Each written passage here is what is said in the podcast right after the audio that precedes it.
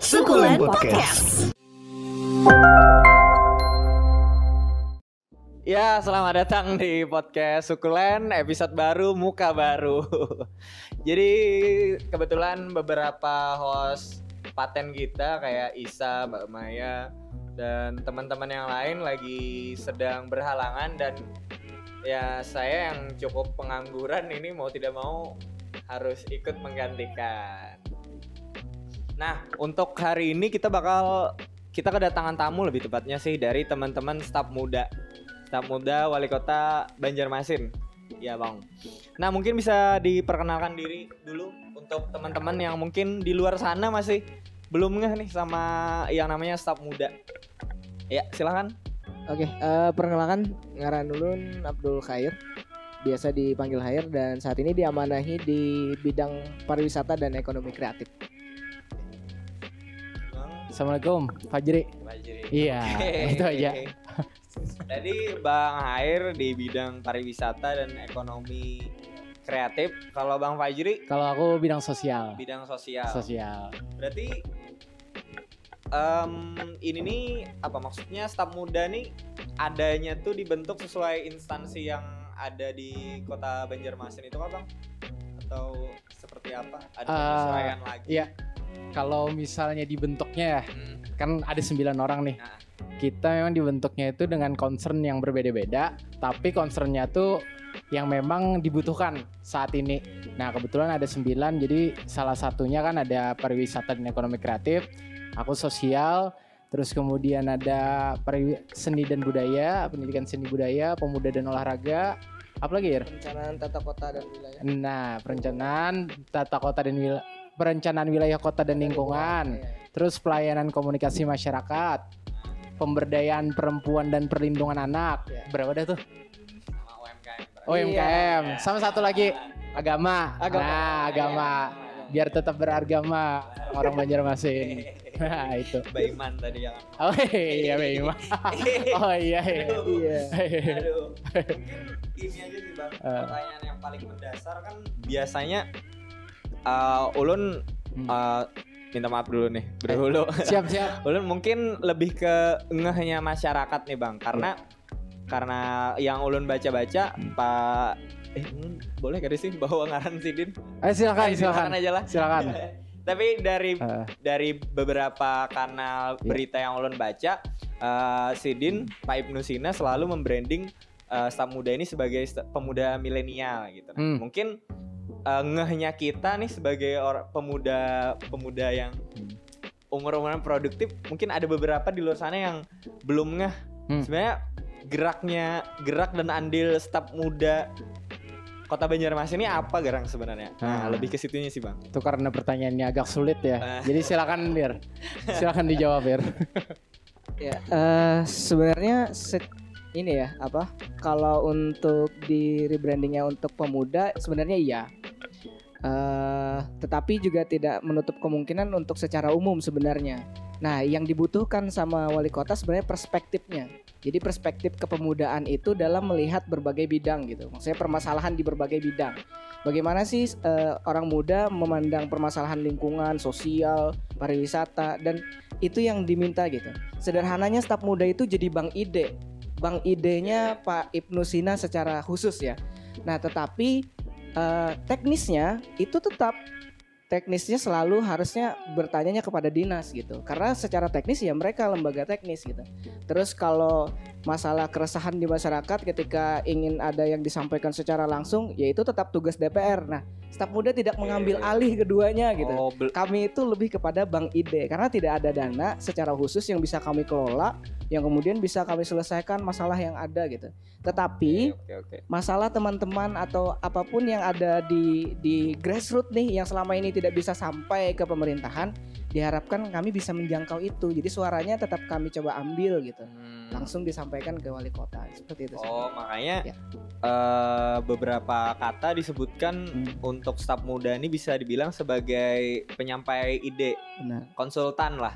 Bisa dikatakan Seperti itu seperti ya? itu. Meskipun itu agak berat. Tanggung jawab konsultan itu agak berat ya. Soalnya sampai yang ulun baca nih, Bang, sampai ada yang menyebut kalau sebagai staf muda ini sebagai konsultannya yang kayak Jarpian tadi Pak Ibnu Sina untuk menyampaikan ide-ide kreatifnya itu tadi. Nah, ini kan dilantiknya dari pertanggal 27 Oktober Ya, kalau ada salah 28 28. 28 sesuai Sumpah Muda. Iya, Sumpah Iya, Pemuda. betul Gus. Baca di Iya. Apa? Di Wikipedia lah. Iya. Karena sudah ada. Jadi berjalannya tiga tiga tiga empat bulan ya malahan. Tiga Oktober, iya menuju ke empat bulan. Iya. Menuju ke empat bulan. Ini keluh kesahnya apa nih bang? Maksudnya belum lagi masuk ke anu kritikan dari dalam atau dari luarnya malahan gitu nah.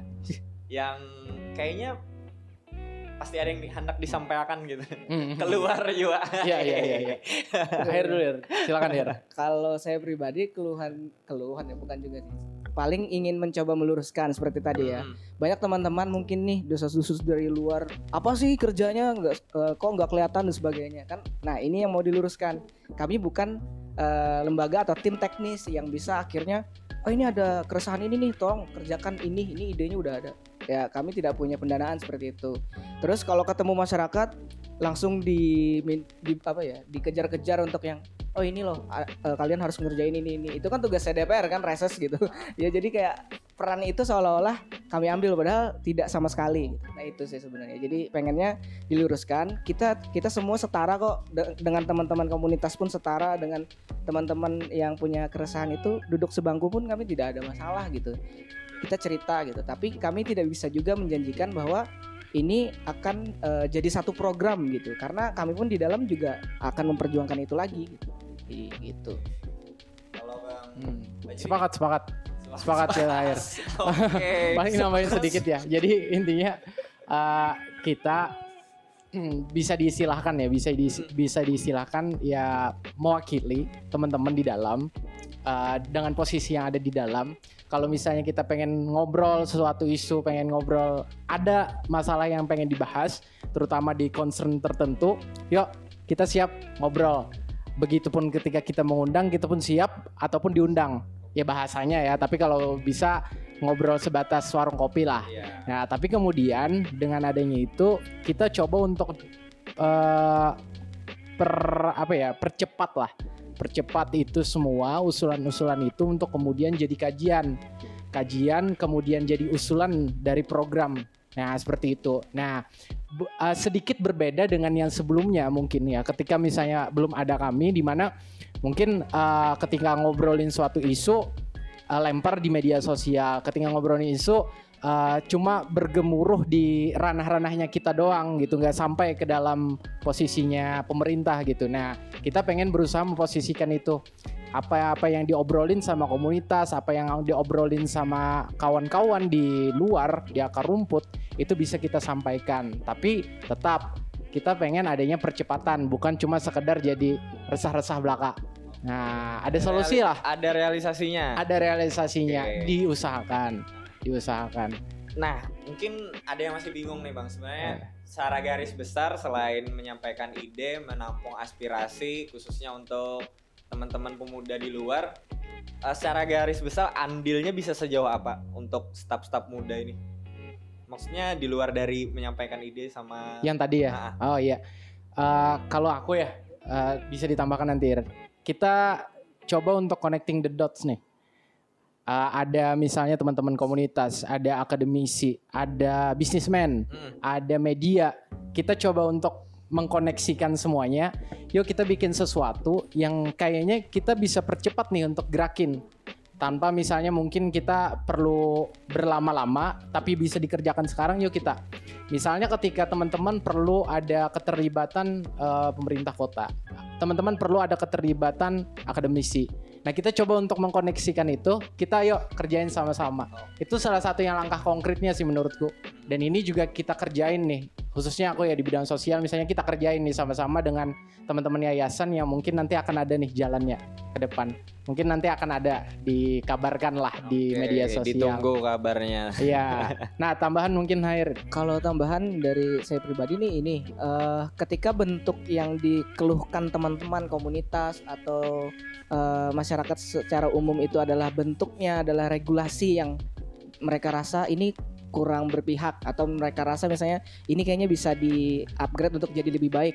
Nah, karena hotline kami langsung ke wali kota, maka untuk bisa membicarakan regulasi itu mungkin bisa langsung bisa disampaikan gitu. Jadi se- sesederhana ketika eh, kami mencoba membantu kawasan di apa Bandar Masih Tempo dulu nih kota lama itu ketika mereka misalnya mengharapkan adalah pendanaan mungkin belum bisa tetapi mereka waktu itu keluh kesahnya adalah parkiran kami tinggal coba koneksikan sama dishub misalnya Oke. Wah, mereka minta eh, kayaknya kalau diterangin dikit enak nih kami tinggal koneksikan ke PU itu akan jadi lebih cepat gitu tapi kalau harus ada pendanaan nah regulasi pemerintah itu mereka untuk bisa bikin pendanaan itu satu tahun sekali jadi tidak bisa yang tiba-tiba hari ini diusulkan tiba-tiba langsung, masuk gitu. Nah, Oke. itu. Ya. Jadi em, lebih tepatnya jalan bisa dibilang Sap Muda ini sebagai jalan tengah Iya. itulah. bisa dikatakan Un-. Bisa Iya. dikatakan. Bisa dikatakan. untuk ya untuk lebih mempermudah Ya. masuknya ke area pemerintahan itu tadi. Iya. Oke. Eh, apa yang bisa dipercepat nggak usah diperlambat. Oh. Nah kayak gitu. Tapi ya tadi dalam tanda kutip eh, bukan yang termasuk dalam adanya anggaran. Oke. Nah itu kalau misalnya nggak pakai anggaran itu bisa kita percepat. Yang penting ah ini perlu perlu hanya percepatan bantu sambungkan bantu ini ini ini biar tek tek tek tek tek cepat diselesaikan. Nah itu bisa tuh. Contohnya nih bang, eh, yang kata abang-abang tadi, adakah sudah yang seperti itu? Maksudnya di luar dari segi pendanaan tadi, Oh iya tadi yang sudah terkerjakan. Ah, Iya. parkir tadi ya Ya kayaknya. misalnya seperti yang tadi Hmm. kalau Oke. ternyata minta parkir do- doang kan masih Mm-mm. bisa dihubungkan terus Hmm, kayak oh, minta kabel di di kawasan Dilebih- itu dibersihkan. Oke. kami tinggal koneksikan sama Telkom gitu nah, jadi Oke. eh, karena tadi lah eh, punya akses di dalam ya Mm-mm. akhirnya akses itu bisa kita maksimalkan gitu jadi Hmm. seperti itu Jadi bisa dibilang kalau ada permasalahan-permasalahan Hmm. eh, larinya ke ngadunya nih ke staf muda lebih enak dong gitu. Eh, bisa jadi tapi dalam tanda kutip untuk kepentingan masyarakat Oh. bukan untuk kepentingan pribadi, Pribadi. atau sekelompok orang aja Oke. nah gitu. Ngebahas soal uh, pelantikan tadi kan berarti sudah jalan hampir di empat bulan dan dengar-dengar memang masa kerjanya cuma satu tahun ya bang. ya eh, untuk eh, surat kami seperti itu Tapi memang satu tahun itu langsung berganti atau pergantian beberapa staff aja karena ada evaluasi segala macam atau memang satu tahun ganti tadi bang? itu evaluasinya prerogatif Pak Hmm. Ibnu Sina sih evaluasinya langsung ke beliau Oke. Tapi uh, untuk masa jabatan yang cukup singkat ini kan kurang sejalan sama masa jabatan Pak Ibnu Sinanya sendiri kan bang? Mm. Jadi untuk masalah kan staf muda ini kan sebagai mempercepat realisasi visi misi beliau. Nah, dengan masa jabatan masa kerja si staf muda yang Hmm. tidak sesuai, apakah memang cara pandangnya untuk abang-abang staf muda ini harus dituntut sampai lima tahun ke depan atau disesuaikan dengan masa kerjanya? Atau lebih ke condong memecah Pak mengurus permasalahan yang emang sudah kelihatan Oh, ya. gitu. Nah, jadi sebenarnya kenapa akhirnya masa kerja kami dibatasi satu tahun dulu? Ah. Sebenarnya kami dijanjikan memang akan terus mengikuti sampai akhir masa jabatan. Tetapi secara formal kami diminta satu tahun. Sebenarnya itu untuk memencut juga. Takutnya ada yang akhirnya terlena, oh tiga tahun juga nih aman lah. Hmm. Akhirnya kan tidak bisa dievaluasi. Nah, jadi keinginan Pak Wali Kota itu memang ingin ada evaluasi gitu. Biar mungkin kalau memang tidak layak dipertahankan ya itu hak prerogatif beliau Oke. gitu. kan. Ya, bahkan mungkin sebelum satu tahun Iya sih. kayak, Kayak aduh ini ya. apa nih kita udah mengetek-ngetek kayaknya nih kayak dapat kata ya nah bisa Oh, jadi kan itu hak prerogatif wali kota kan Iya. karena pengennya ada percepatan Ada kalau percepatan. cuma mengetek kan artinya memperlambat Ah, aduh ini gitu. kamu udah diangkat Iya, malah. Kalau secara kerja kami sejak awal memang sudah mengkomunikasi visi misi eh, wali kota di periode kedua ini. Oke. Gitu. Jadi memang disesuaikan dengan visi misinya. Oke, berarti sejalan aja sama eh, kehendak atau visi misi itu tadi, visi Iya Gus, betul betul Gus. tadi. Nah, ini emang yang aku baca juga tadi nah tadi Mbak Ulun Mbak tuh Bang. tadi yang aku baca juga kan Bang ini sempet rame nih masalah insentif. Nah, mungkin ada ada di kanal berita yang A mengatakan Pak Ibnu Sina sudah meluruskan. Ah, tapi pengen tahu tetap teman-teman di luar pasti pengen tahu. Oh, untuk diangkat jadi staf muda posisi se elit, wah bisa dibilang elit nih. Kayaknya insentifnya lumayan atau ternyata ada fakta yang tersembunyi nih. Nah jadi jadi jadi Melempar terus. pokoknya kalau pertanyaan-pertanyaan yang berbahaya tuh Iya, ngelempar cari ya. aman. Cari aman. Nah, jadi sebenarnya sampai hari ini, sampai sampai hari ini bahkan kita ngobrol, kami belum ada nerima sepeser pun uang pemerintah. Oke. Dan saya pribadi karena memang beranjak juga dari komunitas, Mm. saya juga musik fotografi juga suka gitu kan. Mm. Eh ya karena tahu keresahannya seperti apa, ada peluang untuk bisa menyuarakan sesuatu di dalam ya kapan lagi diambil gitu. Jadi sampai sekarang tanda tangan untuk SK pun saya tidak melihat berapa eh, insentif yang akan diberikan Oke. sampai hari ini. Oke. Jadi Cukup iya. cukup menyedihkan ya. menyedihkan. Jadi kami kadang bingung kalau misalnya ada ada yang uh, memberitakan misalnya soal insentifnya sekian, kami aja belum tahu deh sampai sekarang. Bahkan belum ke tangan. iya, tapi Nah. kan agak ya sudahlah kayak Oke. gitu kan. Ya mudah-mudahan jadi doa Ya. bisa tiga kali lipat, tiga Iya. kali lipat. ya tertunda aja rezeki yang tertunda. Tapi syukurnya sih sebenarnya teman-teman memang punya sudah punya background kerja di tempat Oke. eh, masing-masing dan tidak ada larangan untuk harus berhenti gitu. Oh, Nah itu sih sebenarnya juga jadi ya masih bisa lah hidup sendiri. Oh, berarti bukan berarti dengan jadi staf muda Ya a- ba- ada batasan-batasan yang sampai merugikan secara personal Benar. gitu lah. Oke. Nah, itu teman-teman jadi untuk kalian yang merasa kalau mereka ini beruang nantinya setelah naik itu oh ternyata ya seperti ini menyedihkan Ya, sekali. maaf, maaf. Kami aja kalau ngop kalau ngopi ya harus pakai dibatasi dulu Iya, ya. harus Ya seminggu sekali aja lah. Iya. Kecuali dibayari bilik. Iya, sponsori bilik. ya berarti agak itu bisa dibilang keluhan dari staf mudanya langsung juga. Eh, Untuk Pak Ibnu Sina mungkin bisa didengarkan ini langsung dari anak buahnya. nah, berarti sudah jelas nih. Kalau memang kerjanya dari hati gitulah. bisa dikatakan. nah, ini kan yang sorry nih kalau agak balik nih Bang lah.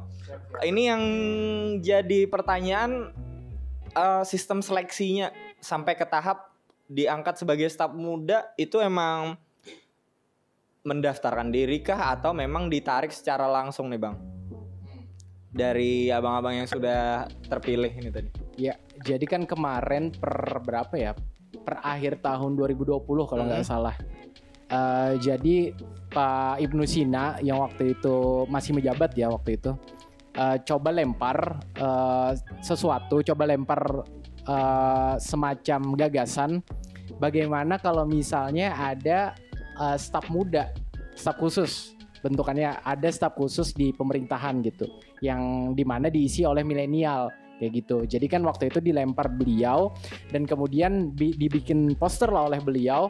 Siapa saja sih orang-orang yang menurut kamu itu cocok mengisi bidang-bidang tertentu. Oh, jadi Nah, memang dilempar ke Semacam disayembarakan. Oh, Nah, disayembarakan Gus. Oke. Jadi waktu itu disayembarakan uh, mungkin orang-orang yang memfollow beliau juga mengikuti dan Hmm. itu kan euforianya waktu itu kan berhari-hari itu Gus. Mm. Jadi sebenarnya eh, harusnya sih diketahui sama banyak orang gitu. Jadi karena kita pun memfollow beliau karena waktu itu kan memang jabatan beliau kan masih wali kota juga. Ah. Jadi kita follow beliau dan kemudian kita tahu dan ternyata juga teman-teman kan itu kan eh, berdasarkan rekomendasi ya Gus ya. Mm. Jadi siapa yang banyak rekomendasinya itu yang uh, kemudian di di ini lagi di list lagi ya dipilih Oh. lagi untuk kemudian diundang FGD. Nah, terus tuh ketika FGD eh, terkumpul kemudian vid- eh, kirim video yang berupa gagasan terus kemudian juga kirim esai apa sih yang pengen kamu bawa dan kemudian setelah itu ada seleksi baru baru akan diundang kemudian menjadi eh, calon-calon yang kemudian eh, mengisi bidang-bidang tertentu. Oke. Nah, kayak gitu sih singkatnya sih seperti itu, Gus. Waktu itu tahap seleksinya juga. ada tahap berarti. seleksinya Jadi fit sebenarnya. and proper testnya waktu itu ada beberapa tahap juga. Jadi Hmm. kayak dari CV dilihat kecocokan dengan bidangnya, kemudian juga diminta bikin esai jika terpilih bakalan program yang seperti apa sih yang kepikiran gitu kan. Tapi itu eh, belum waktu Di awal belum. ah, ah, maksudnya sudah memilih mau berminat di bidang mana itu apakah Oh. sudah dicantumkan atau pas sudah naik baru ditentukan nih bang?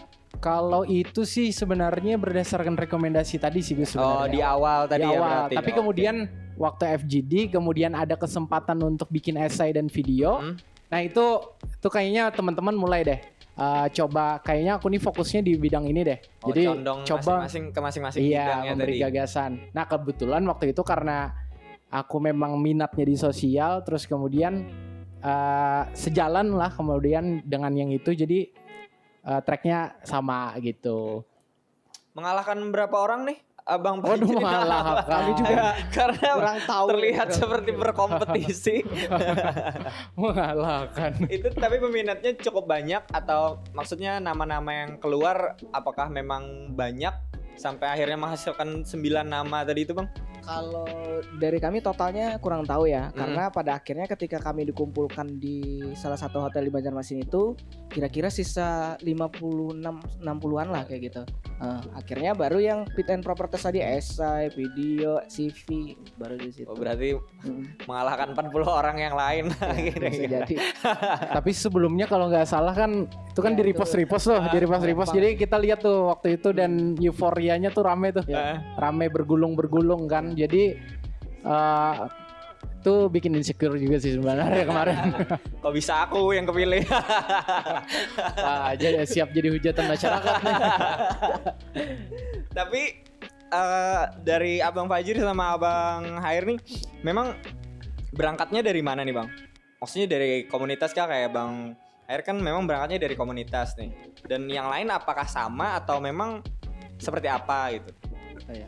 Kalau saya pribadi kan memang dari komunitas Hmm. waktu itu eh, lebih ke komunitas kreatif Ikatan Pemuda Kreatif Indonesia. Jadi ada di Kalselnya saya ketua di Kalsel kayak gitu. Nah teman-teman yang lain itu rata-rata juga dari komunitas ada juga dari apa eh, akademisi juga ada. sebenarnya. Jadi ah, ini sih apa eh, majemuk lah. Hmm. Majemuk. Majemuk. Berarti bisa dibilang memang ada background berorganisasi yang kuat lah untuk masing-masing staf mudanya sendiri ketika naik pun gitu. Nah, kira-kira gimana nih Bang untuk teman-teman yang sana punya ambisi yang kuat untuk menggantikan abang-abang yang ada di sini. Kira-kira masih bisakah atau ada kesempatan kah memang seperti itu? Karena kan ada hasil evaluasi kan dari masa jabatan satu tahun tadi ada evaluasinya. Nah orang-orang teman-teman yang di luar sana yang ambisi, kira-kira adakah masukannya gitu? Maksudnya Pak Ajri kalau maksud sudah- kan kalau kayak yang kata abang tadi Iya, iya. ada kemungkinan memang bakal digantikan gitu walaupun memang sebenarnya niat Pak Ibnu Sina membawanya Hmm. sampai akhir masa jabatan beliau kan Hmm. nah ini kan secara tidak langsung membuka kesempatan Hmm. untuk teman-teman yang lain yang punya ambisi yang sama eh memikirkan dong Hmm. gimana caranya bisa naik ke situ Iya, betul. aku harus siap nih Hmm. di akhir tahun untuk menggantikan Ah, salah iya, satu di iya, antara iya, iya. mereka Ya, gitu. Kalau kita ya karena Ah. kita yang diajak ya bahasanya ya. Jadi kita nggak tahu sih mekanismenya nanti kemudian seperti apa gitu sebenarnya. Karena itu lagi-lagi hak prerogatifnya wali kota. Oke. Karena yang bikin kan wali kota, hak prerogatifnya ya wali kota. Nah, kayak gitu. Tapi kemudian teman-teman kalau misalnya pun eh, saat ini ya. Kita kan belum tahu nih. Kita kan belum tahu siapa tahu mungkin eh, besok siapa tahu mungkin eh, ke depan dan lain sebagainya kan kita belum tahu. Tapi selama kita saat ini ada di sini Hmm. kita siap loh untuk terbu dan terbuka untuk yuk kita diskusi yuk. Apa sih yang jadi keresahan teman-teman gitu? Kalau misalnya hari ini teman-teman resah kemudian uh, menunggu waktu itu Ah. kayak itu kan agak lama nih Iya. ya mumpung lah mumpung kami masih di sini uh, kita coba yuk ngobrolin dulu tapi kemudian kalau misalnya nggak sampai nih kemudian kami diganti misalnya diganti oleh teman-teman ya sudah kita gantian Iya, kita iya, gantian tapi keresahannya kita tetap perjuangkan sama-sama Oke. gitu sih kayaknya Itu tadi kisi-kisinya. nah, ini sih, Bang. Ya. Pasti dari pribadi atau teman-teman yang lain juga pasti ada susahnya nih. Maksudnya susah secara eh, mungkin minta waktu berbicara dengan orang-orang dalamnya. Mungkin ada yang ingin disampaikan kah? Maksudnya susahnya jadi staf muda itu apa sih sebenarnya? Hmm. Baik keluar ataupun ke dalamnya. Itu sih. Jadi pertanyaan kita juga. Kalau susahnya sebenarnya yang paling jelas adalah eh, memahami birokrasi kepemerintahannya. dikira Karena- pendanaan Karena ini ya kalau di komunitas kan kita punya ide, punya eh, terus kalaupun tidak punya dana kita langsung bisa cari ke mana Hmm. semau kita lah. Terus kalau punya eh, kalau dapat dananya kita tinggal kerjain programnya, pertanggungjawabkan ke, komun- ke komunitas kita aja gitu. Hmm. Tapi kalau di pemerintahan eh, nyusun langkah-langkah untuk kita mau bikin program agak agak panjang gitu. Macam-macam ada RKPD rencana kerja program eh, pemerintah daerah, terus kita harus paham apa aja eh, yang menyusun RKPD itu. Terus renjanya kapan, resanya kapan, kayak gitu-gitu. Jadi kayak jadi kit- eh, kami ini harus menyesuaikan ininya apa ritmenya juga gitu. Sekalipun apa-apa yang mungkin bisa dipercepat dari situ, kami masih berupaya untuk yang ini bisa dipercepat di bagian mana ya gitu. Masih nyari-nyari karena ya kadang-kadang ada otak muda yang nakal juga sih untuk Oke. yang ini kayaknya bisa dipercepat kayak gini deh. kayak gitu. Oh, dengan cara-cara yang kurang Iya. pantas lah. Sar. Iya.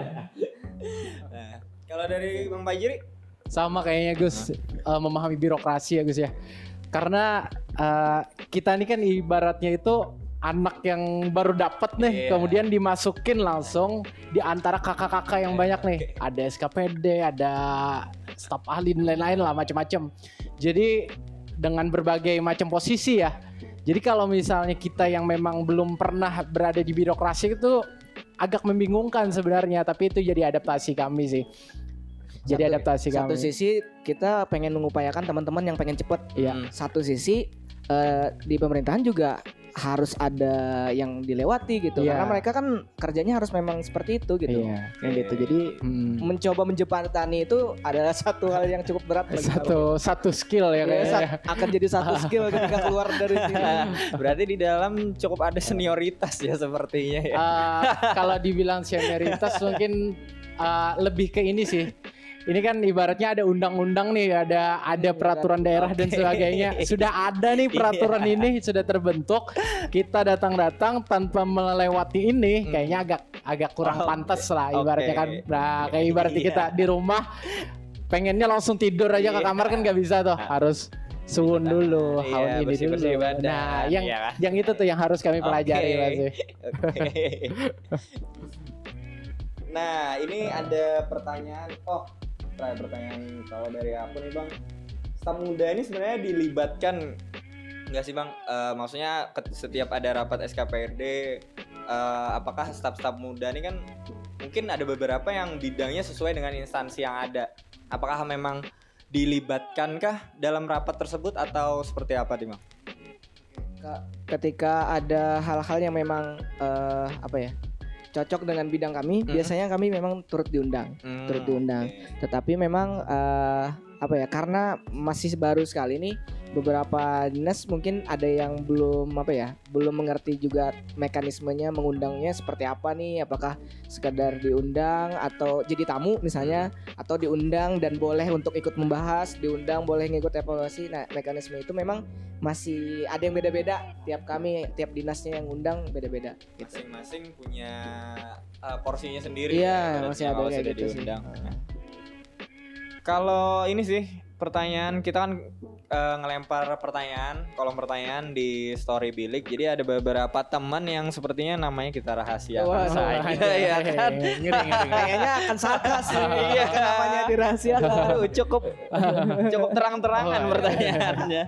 Eh, ini sih kapan katanya kapan event musik diperbolehkan lagi Waduh. secara legal. Oh iya, Ini silakan kan masih gerilya nih Iya. teman-teman kolektif untuk ngadain gigs-gigs kecil tuh masih masih kucing-kucingan. Iya, Sebenarnya sembunyi-sembunyi kap- ya. iya. Iya. Nyanyi sambil deg-degan kan kurang menikmati. Oh, iya, iya.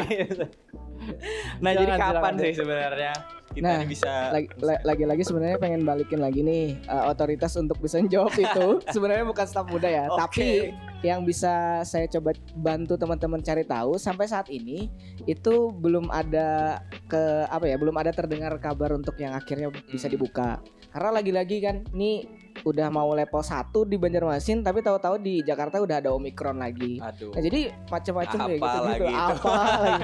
Jadi sebenarnya Banjarmasin juga eh, sering kali eh, waktu itu nih waktu di level 2 eh, Pipe Nusina sudah ingin waktu itu mengupayakan buka di area Siring dan sebagainya. Tapi eh, dari pusat ada masih dianggap level 4 ya waktu itu ya. Ah, ada kesalahan ah, apa ya perbedaan data ya perbedaan data nah yang kayak gitu-gitu gitu karena Banjarmasin juga harus nurut sama keadaan yang ada di pusat ya. Iya. agak susah juga gitu Oke, jadi memang belum ada Ya. waktu yang jelas. Ya, Nah, itu sekarang. untuk kamu sih, ya, sih itulah. belum ada kabar sebenarnya. Nah, info ini pertanyaan cukup kritis nih, Bang. waduh Katanya bagaimana pandangan eh lebih bukan pandangan sih. Bagaimana Banjarmasin 10 sampai 15 tahun ke depan? waduh Mungkin ada visi sejauh itu kah sudah atau 5 sampai 7 tahun ke Eh, depan? padahal kita tiga tahun aja ya Lanjut. Oh, kalau dari saya pribadi, ini kalau untuk teknis ya ke bidang saya yang pariwisata dan ekonomi kreatif dan untuk tahun ini saya cukup fokus dulu di pariwisata biar satu-satu. Jadi kalau dari pariwisata saya membayangkan 5 sam 5 tahun lagi deh kayaknya. Saya berharap ada salah satu wisata yang ada di Banjarmasin akhirnya bisa menghasilkan PAD gitu, pendapatan asli daerah. Hmm. Nah, yang sementara ini kan eh, pariwisata masih dalam batas eh, rekreasi gitu untuk ruang terbuka hijau dan Hmm. itu sudah cukup bagus ketika tahapannya sudah eh, sudah dibuatkan. Tapi akan jauh lebih bagus lagi ketika bisa menghasilkan PAD seperti kota-kota lain gitu. Hmm. Misalnya kayak Bali, Banyuwangi bahkan sekarang sudah menghasilkan PAD. Nah, saya pengen coba bantu di selama masa jabatan ini bikin roadmap bagaimana akhirnya membuat market base yang sesuai gitu agar nantinya kepariwisataan yang dibangun ini bisa menjangkau pasarnya gitu. Karena saat ini mungkin eh, yang dibangun itu menyasar pasar reguler. Saya mencoba nanti akhirnya roadmap yang saya bangun mencoba menyasar pasar-pasar yang peminatan gitu. Lebih segmen lebih segmented. Segmented. ya, Ya, lebih ke arah oke. situ. Bang Fajri? Eh, Gimana tadi pertanyaannya Gus? ah, ini katanya pan bagaimana Banjarmasin 10 sampai 15 tahun ke depan Ah, katanya. iya. Mungkin Kalau- ada memang Ah. ada niatan bajik dari jadi yang memang wah Ah. ini harusnya bisa tapi bisa dilanjutkan. Ini kalau kalau aku ngambilnya melalui apa yang menjadi prioritas saat ini ya Gus ya. Jadi memang ada tiga ya, Hmm. boleh dikoreksi ya. Iya. Uh, soal sungai, Iya. terus kemudian soal smart city dan juga soal uh, UMKM. Hmm. Nah, jadi kan kalau soal kalau soal sungai nih, karena branding kita sungai, kemudian juga potensi kita sungai, harapannya kayak tadi uh, soal pariwisata itu berbasis sungai, kemudian soal transportasi itu basis sungai. Pun insya Allah mungkin dalam waktu dekat sedikit bocoran ya, kita Amin. mungkin ada museum nantinya yang uh, isinya juga soal cerita-cerita tentang sungai dan lain sebagainya. Jadi Banjarmasin itu di 10 dan 15 tahun ke depan sudah dimulai dari sekarang nih bagaimana caranya agar ya kayak tadi dengan segmented yang bagus kata Hair tadi dan pada akhirnya Banjarmasin ini memang dikenal sebagai kota seribu sungai yang memang menarik. Hmm. bukan cuma jadi jargon belaka tapi tidak ada ketertarikan. Nah bukan seperti itu. Itu soal yang pertama. Terus kemudian soal UMKM nah ini yang hari ini ada kan 2.500 nih lebih uh, wirausaha baru ya kan? Nah di mungkin di 10-15 tahun ke depan pengennya sih ya pasti uh, semakin banyak UMKM baru dan UMKM UMKM yang sudah ada naik kelas lah entah itu jadi korporasi dan lain sebagainya. Begitupun yang satu lagi tadi soal smart city, bagaimana semuanya mungkin terintegrasi dengan smart teknologi, smart people dan lain sebagainya. Yang smart smart lah pokoknya smart smart smart, smart. Smartphone. Iya, smartphone. Aduh. nah gitu. iya iya iya aduh. Iya. Boleh lah dicoba dicoba. maaf maaf maaf. So UMKM, UMKM salah satunya juga. Hmm. Nah di Banjarmasin pengen ada, ini kan eh, kota layak untuk semua. Hmm. Nah bagaimana Maksudnya juga Gimana tuh bang? kota layak untuk semua tuh bagaimana caranya siapa pun yang ada dan hidup di sini, entah itu anak kecil, orang tua, dewasa, lansia dan lain sebagainya, orang normal ataupun orang spesial dan tanda kutip disabilitas Hmm. itu punya hak yang sama atas kota. Nah, dan itu juga kita perjuangkan nih sama teman-teman semua. Eh, kayak misalnya kayak aku ya, yang mungkin concernnya juga di bidang disabil Sosial. eh, bu- eh, di sosial, yang salah satunya juga eh, disabilitas atau mungkin lansia atau mungkin yang orang-orang yang dalam tanda kutip tidak mampu itu juga diprioritaskan Hmm. dalam salah satunya tadi bagaimana caranya bisa mandiri dengan UMKM. Oke. Dan ada program sekalian mungkin Ya, biar teman-teman tahu ada Bahuma ya, Bahutang eh, bahu apa ya lah? Ya pokoknya Bahuma Bahuma tapi dia Bahutang tanpa ba- Bahutang tanpa bunga. angguran bunga gitu. Oke. Jadi dia selain misinya adalah eh, bebas riba dan selanjutnya adalah pengen menyuntik UMKM gitu biar mereka bisa grow up gitu. Hmm. Jadi bisa eh, pendaftarannya udah dibuka ya? Iya, Udah, sudah udah dibuka, udah Jadi dibuka. nggak cuma Ahi dan Ukti aja ya. Iya sih sebenarnya. Nah, yang kada tapi sembahyang pun kada apa-apa. Iya. sebenarnya. Jadi kada menambahi dosa ya. Sedangkan ada namanya dosa ya. ya itu. Oke, oke. Tanpa bunga ya. Iya, tadi tanpa bunga. Nah, program-program yang seperti itu nih, Bang. Emang usulannya dari teman-teman Samuda atau berangkatnya dari mana, Bang? Da- kalau yang Bahuma gitu. itu memang udah dari periode akhir periode beliau udah udah ada nih Oh. gitu. Tapi nanti mungkin di staf muda bisa bagaimana akhirnya bisa tepat sasarannya aja. Oke. Jadi kami mencoba mengawalnya di situ nanti. Itu Nah, teman-teman. jadi sebenarnya ide-ide yang kayak gitu juga bias- biasanya kami bisa mengajukan ke beliau gitu. Oke, ya itu teman-teman yang ingin buka usaha UMKM Iya. jangan lari ke pinjol. Ya. Karena ada bener, Bahuma bener. tadi. Jangan lari ke pinjol. Jangan lari ke pinjol. Ada bener, Bahuma. Bener. Tanpa bunga dan Iya. tidak diteror. Iya benar. nah. Nah, ini aduh cukup pedes nih, Bang. Mau dibacakan atau Aman aman. Aman Ya ya? silakan silakan. Nah, katanya apakah memang perlu inisiatif sendiri ketika melawan pekerjaan atau nunggu info dulu nih? Mungkin maksudnya nih teman-teman sama staf muda nih nunggu aja kah Hmm. atau hasil nih? Maksudnya terjun langsung ke teman-teman yang memang gerak secara langsung gitu. Oh, iya. Kalau saya pribadi mix sih. Jadi Oke. ketika sambil jalan sambil dengerin kalau memang ada yang masuk lagi. Jadi menganalisis sendiri gitu. Karena memang background cukup kuat di akademisi jadi bisa aja nggak analisis oh ini masalahnya ada di sini nih gitu. Oke. Jadi bisa aja. Kalau kita sih masih tetap jemput bola sih. Iya. Jemput bola. Hmm. Uh, tapi mungkin jemput bolanya nggak kelihatan. Oh. Nah, gitu. Jadi uh, memang ya tadi ya, kita setelah jemput bola kan kita ada beberapa proses lagi nih. Nah, jadi uh, mungkin karena belum ada realisasinya jadi nggak kelihatan. Nah, makanya selain jemput bola kita sebenarnya pengen juga nih kalau misalnya teman-teman kayaknya ada keresahan pengen diskusi, ayo ayo silakan di kontak aja kayak gitu. Karena kan kita nggak punya kontak semua orang nih yang punya keresahan. Nah, jadi kalau misalnya memang betul-betul ada keresahan, silakan ayo kita obrolin sama-sama, Bro. Gitu sih. Oke, oke, oke. Nah, itu untuk kamu ya. Untuk kamu. Ya, untuk, Untuk kamu, kamu. ya. Nah, jadi dua-duanya Iya. kayak kata Bang Hair tadi mix ya. Mix. Hmm. Mix. Nah, ini ada pertanyaan yang mewakili kami. Weh. Kapan kira-kira mau collab sama Bilik bersenyawa selain di podcast? Waduh. Waduh.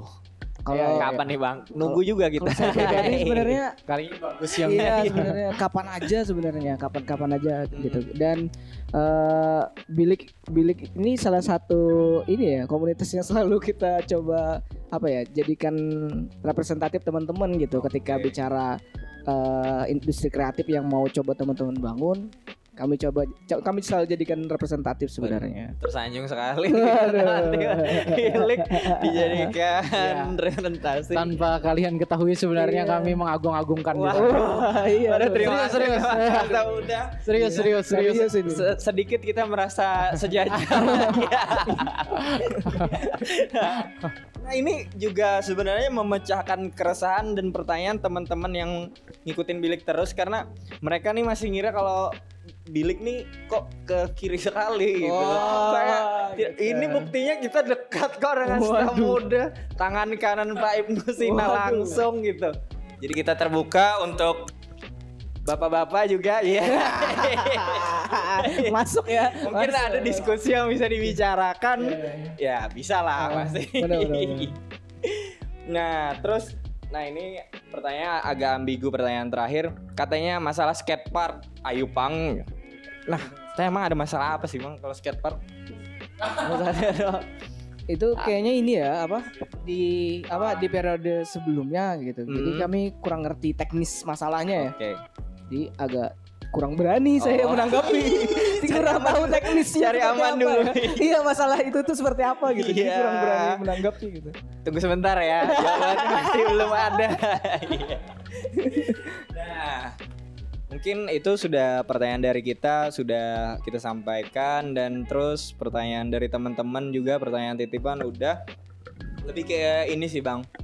Lebih ke gimana sih? Karena kan kayak yang kita bahas di awal tadi ada yang memang teman-teman yang baru tahu bahkan belum tahu bisa kalau memang staf muda nih ada di Banjarmasin dan kita bisa dan kita pun bisa larinya kalau memang ada saran dan segala macam atau kritik malahan larinya ke abang-abang staf muda tadi. Nah, eh, pertanyaannya ini sih gimana cara kita mengenal gitu nah kan eh, kalau aku lihat memang sebenarnya karena apa staf muda sendiri punya kanal atau sosial medianya. Cuman waktu dibuka aduh Iya. cukup pasif Iya. nih pengelolaannya gimana. Dan eh, itu jadi eh, pertanyaan kita. Sebenarnya kita nih perlu sebenarnya sama teman-teman staf muda. Cuman caranya gimana? Sedangkan kita belum tahu nih orang-orangnya gimana dan menghubunginya ke siapa gitu sih bang karena aduh cukup pasif sih sayang aja dilihatnya gitu iya kanan kiri logo lagi aduh Iya iya silakan deh, silakan deh. Ya jadi sebenarnya teman-teman eh, itu kan apa ya? eh, ini agak terbuka juga nih ke Oke. teman-teman. Kenapa Ya, pasifnya kenapa dulu? pasifnya? Jadi perdebatan kami itu cukup panjang di Nah. di di dalam gitu kan. Kena, eh, akhirnya apakah kita perlu kanal yang satu grup atau kita kita cukup mengaktifkan kita pribadi masing-masing. Oh. Berkaca dari teman-teman yang lain misalnya eh, di di luar tuh di Jakarta ada TGUPP namanya. Hmm. Di, di Jawa Barat ada TAP. Mereka tidak punya kanal sendiri gitu. Karena pertimbangannya adalah ketika punya kanal sendiri takutnya masyarakat akan berorientasi oh yang akan diposting di sana adalah program-programnya eh, staf muda. Oke. Sementara eh, dan mereka pasti akan nunggu dong, nunggu programnya hadir gitu. Sementara eh, lagi-lagi harus diluruskan bahwa eh, kami itu tidak pegang dana gitu, tidak pegang Oke. dana secara eh, apa di staf mudanya gitu, Ah. secara khusus. Nah jadi ketika punya akun akan ada pertimbangan seperti itu. Maka akhirnya kami eh, memutuskan sebenarnya dengan pertimbangan eh, Pak Wali Kota juga aktifkan untuk kanal pribadi sendiri aja agar akhirnya orang tahu kalian sejak dari awal untuk pantas atau tidak sebenarnya sejak dari awal gitu. Jadi eh, kami sepakat untuk itu gitu. Jadi Oke. bisa dicek di Instagram pribadi apa aja yang kami kerjakan sebenarnya gitu. Tapi gimana tuh bang jadinya Hmm. untuk teman-teman yang perlu kawan-kawan staf muda untuk nge-reach-nya nih?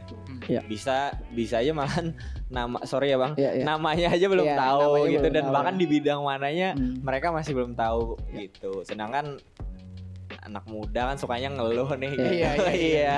Habis-habis di tempat. Ini mumpung ada ngeluhnya ke mereka aja Iya, iya, gitu.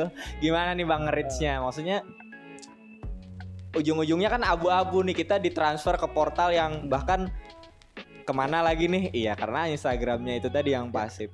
Apakah memang ada rencana untuk pengaktifan Instagramnya atau malah dihapuskan? Iya. Eh, sebenarnya rencananya kemungkinan lebih besar untuk dihapuskan ya, Ya. yang kanal untuk yang bersamanya. Mm. Tapi nanti mungkin kami bakalan coba nyari strategi yang lebih tepat biar akhirnya yang pribadi itu di lebih dipakai gitu dan misalnya sebenarnya kalau saya pribadi ini sih pun kalau pakai staf muda ya toh perlu dipromosikan lagi juga gitu kan. Oke. Ya, sama aja juga kan Ah. gitu. Jadi tidak dari awal bahkan ketika pakai pribadi gitu. Dan ya kayaknya lebih tepat aja untuk yang memang ini misalnya ketemu bilik nih ya udah kenal sama bilik eh, Instagramnya bilik apa? Bilik bersenyawa. Terus saya apa? Ini misalnya. Kayak gitu ya langsung aja gitu. Nanti eh, Mas editor nih dikasih aja di bawahnya anunya ya. iya Nah IG dan nomor WA-nya kalau Nomor. WA langsung aja, japri. Iya, iya. Boleh. Hubunginya ya. Jadi nanti kan kami bisa kenalkan juga ya nama-nama Instagramnya. Jadi silakan sebenarnya. aja teman-teman Hmm. kalau misalnya uh, berkaitan dengan concern isu tertentu, silakan tadi. Oke. Ada nama-namanya nanti boleh dibantu ya. Oke, Di, siap. uh, siap. di deskripsinya ada Instagram Instagram Oke, teman-teman. Siap, siap, siap, Iya. siap. Atau nanti di video langsung jejer bersembilan. Oh iya boleh. Walaupun cuma berdua. Iya iya iya boleh Jejer boleh. boleh. langsung sembilan supaya sekalian. Nah, pertanyaan terakhir dan cukup template durasinya berapa? 45. Nah, pertanyaan terakhir nih kayaknya Bang karena sudah 45 menit ternyata kita ngobrol. Eh, konkretnya sih Bang, sebelum habis masa jabatan entah lanjut tahun depan atau tidak. Eh, dari selain dari pandang pandangan yang kata Bang Bang Hair sama Bang Fajri konkretnya nih pencapaian untuk diri sendirinya nih. Hmm. apa? Untuk abangnya sendiri nih. Iya lebih pribadi atau bisa mewakili teman-teman staf muda secara umumnya? Pribadi dulu berarti Mm. mungkinnya Eh, kalau saya pribadi sebenarnya lagi-lagi balik ke tadi ya. Pengen ada roadmap eh, yang cukup jelas lagi-lagi untuk jalannya eh, pariwisata. Ketika pemerintah berinvestasi untuk membangun sesuatu maka harapannya adalah bisa diperhitungkan bagaimana akhirnya bisa balik modal atau mak- maksudnya bisa menghasilkan untuk daerah akhirnya. Jadi pengen banget punya roadmap yang skalanya tidak muluk-muluk menguasai pasar dari lokal dulu baru melebar ke pro- apa provinsi baru nasional baru keluar gitu. Tidak tidak sebaliknya gitu. Itu sih. Kalau untuk industri kreatifnya sendiri saya berharap sebenarnya teman-teman saya apa ya bisa akhirnya mengakomodir kebutuhan teman-teman nih yang chance-nya saat ini ekosistemnya tuh masih agak terputus ya. Jadi kayak bicara industri nih selalu akan bicara produksi distribusi sama konsumsi. Tapi ini belum nyambung nih belum nyambung karena belum ada pemerintah atau bagian khusus dari pemerintah yang ngurus ekonomi kreatif. Belum ada. Dan di tahun ini rencananya baru ada bidang ekonomi kreatif di dalam pemerintah. Dan harapannya semoga bisa kesentuh sih teman-teman kayak komunitas bilik Amin, dan amin. sebagainya bisa Amin, kesentuh. amin. kita doakan saja supaya Hmm. lebih cepat lah. Iya. Untuk memajeri Eh, tadi sangat keren jadi agak insecure ya. aduh. Kalau aku ya secara terus ya personal ya. uh, secara personal ya 2016 atau 2017 kalau nggak salah. Apa 2015 ya? Uh, aku pernah bikin sama teman-teman juga salah satunya Hair kita pernah bikin surat terbuka untuk wali kota waktu itu. Hmm. Itu pas waktu periode Pak yang Sina, Anda- pergantian sebelumnya dan Itu kemudian sebelum Pak Sebelum. Sina, Anda Sebelum. harus ingat surat ini Iya. yang uh, intinya me- memberikan keresahan sih sebenarnya. Salah Nah, dulu satu medianya kayak gitu ya kita medianya media waktu itu sendiri kayak gitu. Ya Dan- teman-teman bilik inilah Iya, cuman nggak iya. nggak sekeren kayak gini ya Iya, waduh. dan gak sekeren kayak gini sih sebenarnya. Iya. Media kami waktu itu cuma official Lain. line. Iya belum di Instagram pun belum. Iya. Tapi waktu itu akhirnya ada yang tergelitik waktu itu ya. Terus kemudian berlanjut masuk di komunitas juga coba bikin eh, solusi melalui komunitas-komunitas terus masuk ke korporasi yang ternyata di sosial corporate. Uh, mungkin kalau boleh disebut ya mungkin ya waktu itu aku pernah masuk ke startup ke kita bisa ke ruang guru ke warung pintar dan lain-lain yang dalam tanda kutip sosial corporate gitu. Kemudian berlanjut kemudian ke dalam tanda kutip lagi government gitu pemerintah. Nah dengan bentuk yang berbeda-beda dan dengan ruang yang berbeda-beda ini harapanku sih sebenarnya tetap sih pada pendirianku bahwa apa yang masih bisa diperjuangkan ya kita perjuangin sama-sama. Bentuknya apa pun itu ya mungkin kalau bicara sosial ya aku perjuangin sebisanya. Bahkan uh, dalam hati terkecil nih tergelitik juga sih sebenarnya tapi nggak diobrolin sama teman-teman. Bahkan kalau misalnya pun nantinya nggak uh, ada yang mungkin merasa terusik kemudian merasa kayaknya perlu didepak kayak gitu. Itu kan biasanya kan ada tuh kalau di nasional. Tapi kan kita nggak tahu nih. Kalau di sini kan ada ayam tapi maksudnya kalau misalnya segitunya pun aku siap kayak gitu. Jadi nggak nggak terlalu nggak terlalu apa ya nggak terlalu takut dan nggak terlalu khawatir untuk kemudian kayaknya ini udah nggak kepake dan sebagainya. Tapi aku tetap pada pendirian bahwa yang kupegang ini adalah kepentingan banyak orang gitu. Jadi uh, kalau misalnya pun uh, kepentingan ini nih pada akhirnya akan menjauhkan aku dari posisi ini ya nggak apa-apa sih sebenarnya itu sih. Oke, jadi iya. yang pada intinya uh, gerak Bang Fajri sesuai dengan ya. awal itu tadi. Kepentingan masyarakat, kepentingan orang banyak.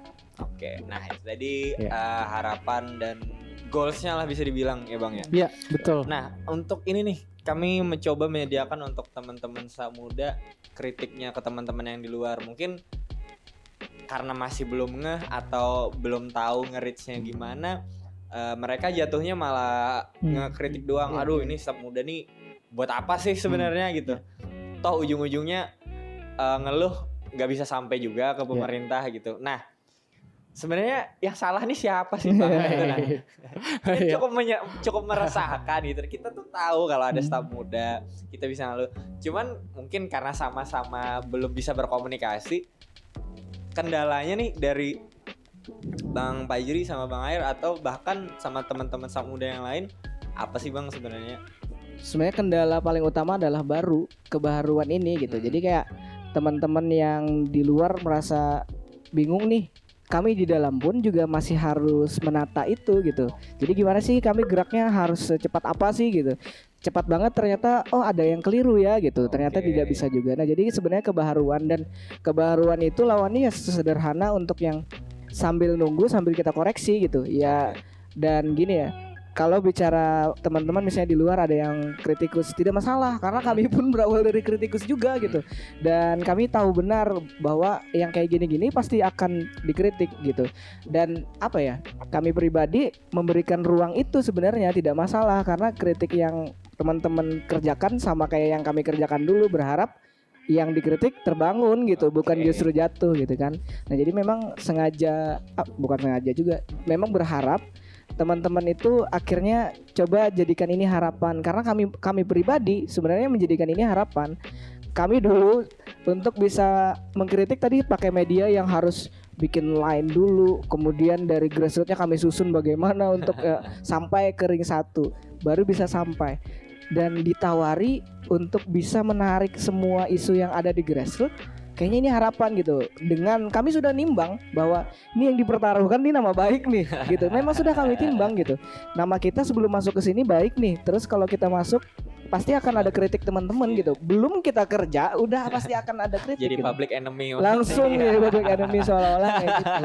Iya jadi sebenarnya uh, apa ya tidak tidak masalah lah kritik teman-teman seperti itu. Tapi ini harapan sih sebenarnya ya sedikit kritik untuk teman-teman yang di luar sana juga mungkin ya iya. bawaan hati iya. iya sih bah berharap dulu baru kecewa iya. jangan kecewa duluan dan harapan itu langsung dipupuskan waduh, waduh. baik banget nah sebenarnya kalau bisa dibilang uh, masalahnya di komunikasi yeah. karena kita Nah, Karena ini untuk teman-teman udah ahlinya berarti. Waduh, yang menyimpulkan aja ya. mantap mantap. Tidak berani tidak. Kalau bicara komunikasi udah Iya, ahlinya. anak ilmu komunikasi. Jangan, jangan, angkatan jangan, 17. Kasih beban. Sebenarnya teman-teman Samuda juga masih berbenah baik secara Ya. sistem Ya. ataupun secara uh, porsi kerja dengan kebutuhannya yang disesuaikan. Terus teman-teman di luar juga mungkin keterbatasan bagaimana nge-reach-nya. Ya, Mungkin benar. ada ada sedikit yang perlu diluruskan sebenarnya harusnya ada sama-sama usaha gitu. Kalau Hmm. memang ada kritik, ayo kita langsung masukin atau ketemu dan kayak kayak yang udah dijelasin abang-abang juga bahwasannya sebenarnya staf muda nih ya terbuka, terbuka dan bahkan Ya. sangat terbuka Hmm. sekali gitu.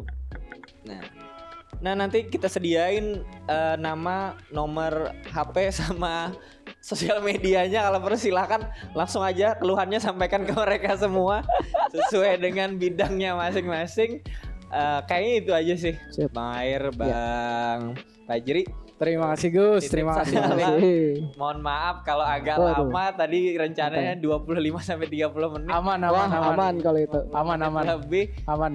Kita teman-teman bilik juga titip salam sama Samuda yang lain, Siap. Cisaber 7 Ya. yang di sana semangat kerjanya. Iya. Mudahan tidak digantikan. Iya. Kalaupun mau mengundang yang tujuh lagi boleh silakan. Waduh. Bisa sih. Iya. Ya maksudnya kan pengen ngobrol-ngobrol Bisa, juga ya bisa, kan. bisa. Ya, terima kasih sudah Eh, meluangkan waktunya di siap. Terima kasih juga. Iya. Terima kasih juga sudah diundang Iya. dan diajakin ngobrol Benar-benar. Oke. secara langsung. Ya.